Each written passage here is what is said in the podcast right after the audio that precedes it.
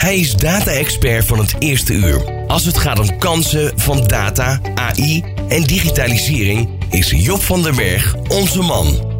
In Data Dinsdag neemt Job ondernemers mee in normale mensentaal. Na nog geen vijf minuten kun je verder met zijn praktische tips en tricks. Dit is Data Dinsdag.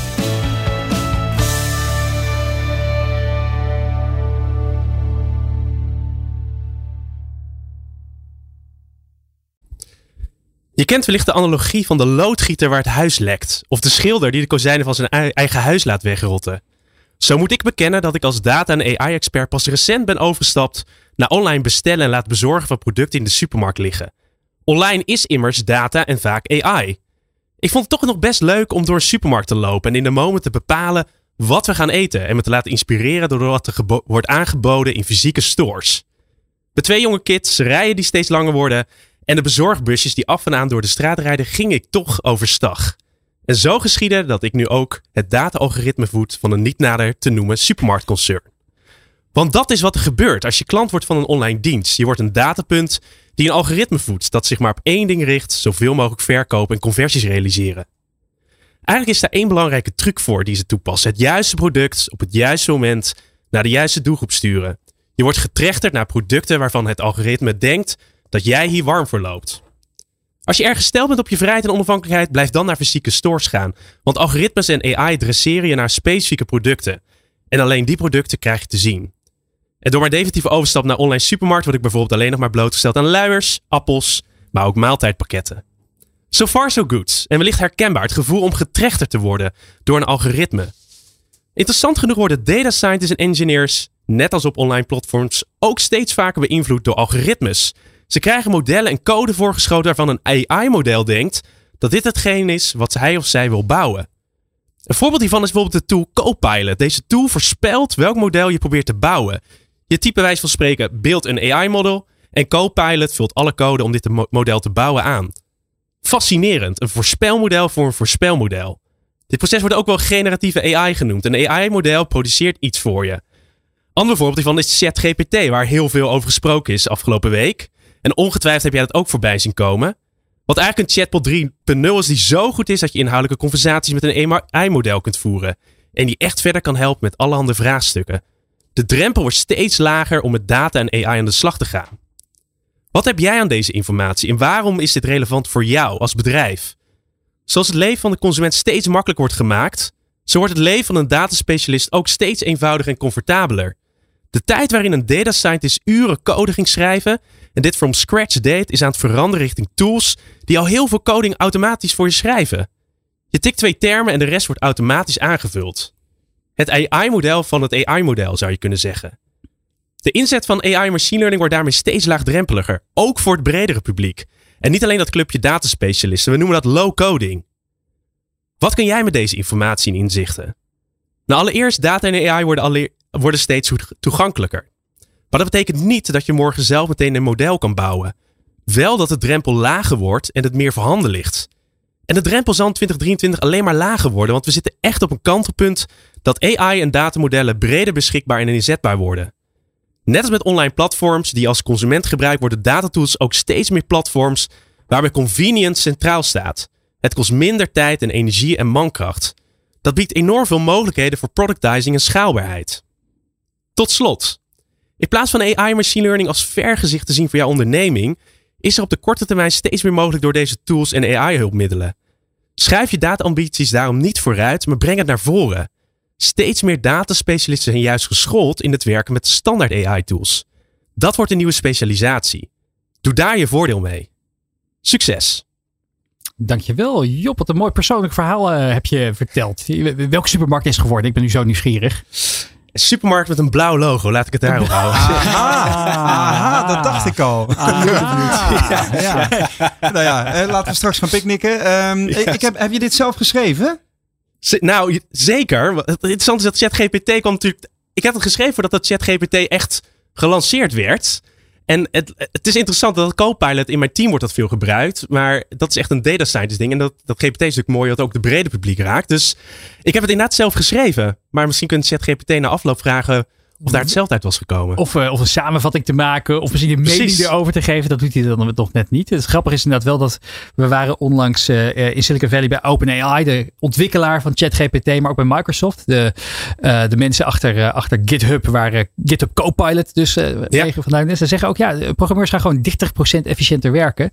Als ze gebruik maken van die AI-tools. Moet je bedenken, ze zijn zoveel programmeertekort. Ja. En ze kunnen gewoon 30% efficiënter gaan werken. Ja, dan kun je echt uh, stappen maken. Dan kan je enorme stappen gaan maken. Wat voor ambities je dan in één keer kan gaan waarmaken. Um, uh, uh, wat ik ook wel mooi vond, wat je zei op, is dat je dus een, dat we allemaal datapunten zijn. je, wordt, je, wordt, je wordt niet alleen klant, maar je wordt ook een datapunt. ik vond het wel een beetje, een beetje dystopisch, dystopisch klinken bijna.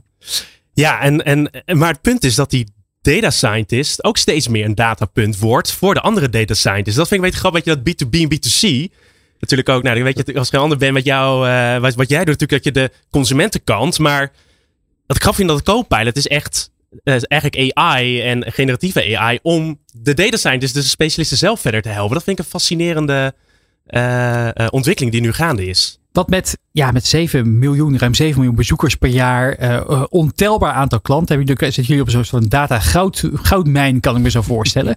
Wat doen jullie er al mee? Hoeveel data scientists lopen daar, daar rond in Groningen? Ja, we hebben echt een, een uh, heel gespecialiseerd datateam dat uh, ja, continu inderdaad met uh, niet alleen met, met historische prijsgegevens bezig is, maar ook ja, de productontwikkeling. en delen van die data kunnen we ook dan weer gebruiken, bijvoorbeeld in, in dat Tweede Kamerdebat dat een, een paar maanden geleden plaatsvond over de ontwikkeling van de energieprijs. En ja, dan, dan is het heel handig dat je ja, je eigen data kunt analyseren uit het verleden. En uh, eerst eens kunt stilstaan bij over welk probleem hebben we het hier eigenlijk. Uh, voordat we naar de oplossing gaan. Het lijkt me ook wel lastig dat je zoveel data hebt. Dat je, waar moet je beginnen weet je wel? Waar, ja, dat is, hoe, hoe, maak je daar, hoe maak je daar beslissingen in? Ja, nou, ons datateam uh, heeft eigenlijk een soort eigen winkeltje zeg maar, binnen, binnen de Benkom groep. dat betekent dat ja, ze moeten gewoon zorgen als team dat ze goede producten ja, aanbieden zeg maar, in een winkeltje. Maar ook hun oor te luisteren leggen bij de andere collega's, bijvoorbeeld van marketing, uh, die ja, prangende vragen hebben. En dat ze daar dan uh, ja, met, met de juiste antwoorden voor komen. Maar ik, ik ga deze zeker meenemen. Uh, dus Job, je wordt bedankt. En, Graag gedaan. En, Job, als je nou, hè, je, je, bent natuurlijk ook een data, data liefhebber, een data minner. Als je dan denkt over die enorme data warehouse die achter de Bandcon groep zit. Wat zou jij, wat zou je daar, wat zou jij daaruit willen, willen, willen, willen ontfutselen? Wat voor data zou jij uh, interessant vinden om, om, om verder op in te duiken? Ja, ik denk de verrijking van, van jullie data, ik weet niet of jullie dat al doen hoor, met andere databronnen. Uh, dus de trends die er aankomen op economisch gezien. Uh, maar ook veranderingen in de profielen van jullie, van jullie doelgroep daar meenemen. Je hebt natuurlijk zoveel datafacetten, inclusief zeg maar het intent of aankoopgedrag van wat uiteindelijk wat ze gaan doen en abonnementen die afsluiten. Als je dat bij elkaar neemt, kun je natuurlijk een heel mooi voorspelmodel bouwen, ook voor andere doeleinden dat hint ook een beetje wat je net zei, van dat je die resultaten worden gebruikt worden in de Tweede Kamer. Dus eigenlijk hebben jullie ook hele unieke insights in deze soort van kennisplatform. Ja, wellicht door die koppelingen zou je dat nog meer kunnen uitbouwen. Dat is een beetje wat triggerde bij mij toen net doen. Want ik, ik, ik kan me voorstellen dat jullie al alles eruit halen met betrekking tot modelleren voor conversie verhogen en dat soort uh, doeleinden. Maar Absoluut, dat andere maar, stuk... Uh, ik uh, nodig je bij deze uit om eens langs te komen, Job. Oh, heel goed. Ja. Nou, Keiharde koppelverkoop, man. maar, maar, maar, nee, maar dit komt dan weer niet uit die AI, AI hè? Dat nou, is dat, gewoon ja. live business. Naar aanleiding, na aanleiding van, het, van, het, van, het, gesprek, of de, de column die Job net, net zei, Ben... Uh, gaf jij ook aan van joh, uh, de Benkom groep zou hier best nog wel stappen uh, mee kunnen nemen. Welke stappen zou jij zelf willen zetten dankzij AI dan? Um, die koppeling zeg maar, met andere databronnen. Dus denk inderdaad aan het, het, CBS. aan, aan, kijk, wij leveren data aan het CBS. Ja. Maar omgekeerd heeft het CBS natuurlijk ook een, een schat aan data die weer ja, waardevol kan zijn in die trendanalyses mm en, en, en dat soort zaken. Dus ik zie daar zeker mogelijkheden. Um, daarnaast ja, triggerde jouw verhaal mij ook low coding. het woord liet, je, liet je vallen. onderwijs ja, vind ik ook enorm belangrijk dat de jongeren zeg maar leren met technologie niet alleen om te kunnen gaan, maar ook nou ja, waarom leren de basisschoolleerlingen geen JavaScript hè, als, als taal? Um, er zijn landen waar dat gebeurt. Mhm. in, in, Nederland praten we er al twintig jaar over. En is het nog steeds niet geïmplementeerd. Waarom wordt het niet omarmd dan, denk jij? Nou, soms hoor je dan als tegenargument. ja, in de toekomst hoeft er niet meer gecode te worden. Want, en, en jij, jij triggerde me even met het woord low coding. Ehm, maar ja, zelf denk ik dan nog steeds, ook met low coding, is het handig om wel een beetje de basisbeginselen zeg maar, van die coding te weten. Uh, vergelijkend een beetje met uh, de Google Translate. Uh, hoef je nu geen buitenlandse taal meer te kunnen spreken als je naar het buitenland gaat. Dan wil je toch de basisbeginselen van de taal van het land waar je op bezoek gaat. Nee, en ik heb ook wel recentelijk gelezen dat ook juist de digitale vaardigheden van de jeugd juist achteruit gaan. Omdat alle tooltjes die er mhm. beschikbaar zijn, de, de, de smartphone appjes, de iPad dingetjes.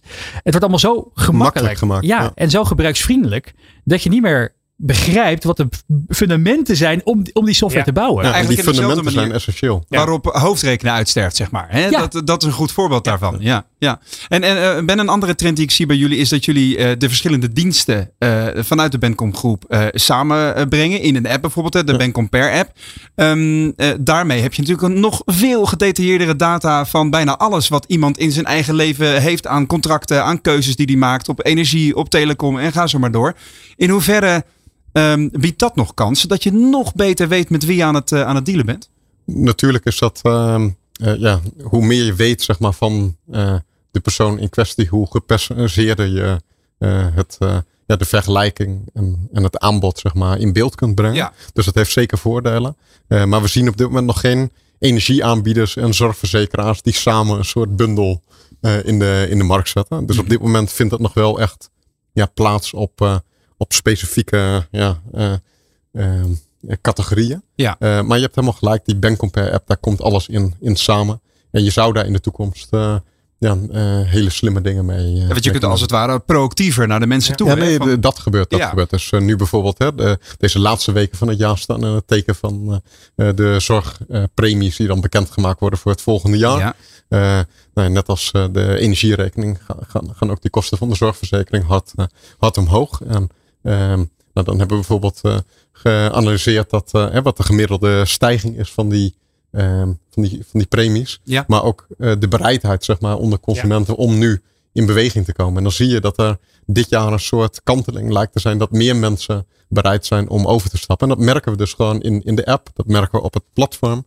en ja, een, een marktpeiling, zeg maar, zeg maar, die je doet onder, onder het ja, publiek. Laatste vraag hierover, Ben. Je hebt ontzettend veel data ook over al jullie klanten en over jullie potentiële klanten die de sites uh, bezoeken. Um, maar als je zou kunnen doorfilosoferen, wat is data die je nu nog niet hebt, die je wel graag zou willen hebben om nog betere producten of diensten te kunnen bouwen? Ja, als je bijvoorbeeld kijkt uh, op het gebied van zonnepanelen, uh, willen wij het zo makkelijk mogelijk maken om die stap te zetten qua verduurzaming. En een van de hamvragen dan is kun je online uh, een omgeving bieden waarin je ja, eigenlijk je droomset qua zonnepanelen kan, kan samenstellen. En dat hebben we gerealiseerd met luchtfoto's. En, uh, ja, er hoeft dus niemand meer bij je aan de keukentafel thuis te komen en een hele offerte uit te werken. Dat vindt helemaal digitaal plaats. Um, maar daar zitten natuurlijk een paar aannames in. En die aannames die worden dan nog in een telefoongesprek, uh, we noemen dat desk research, wordt dat dan nog, nog nabesproken met, met de consument.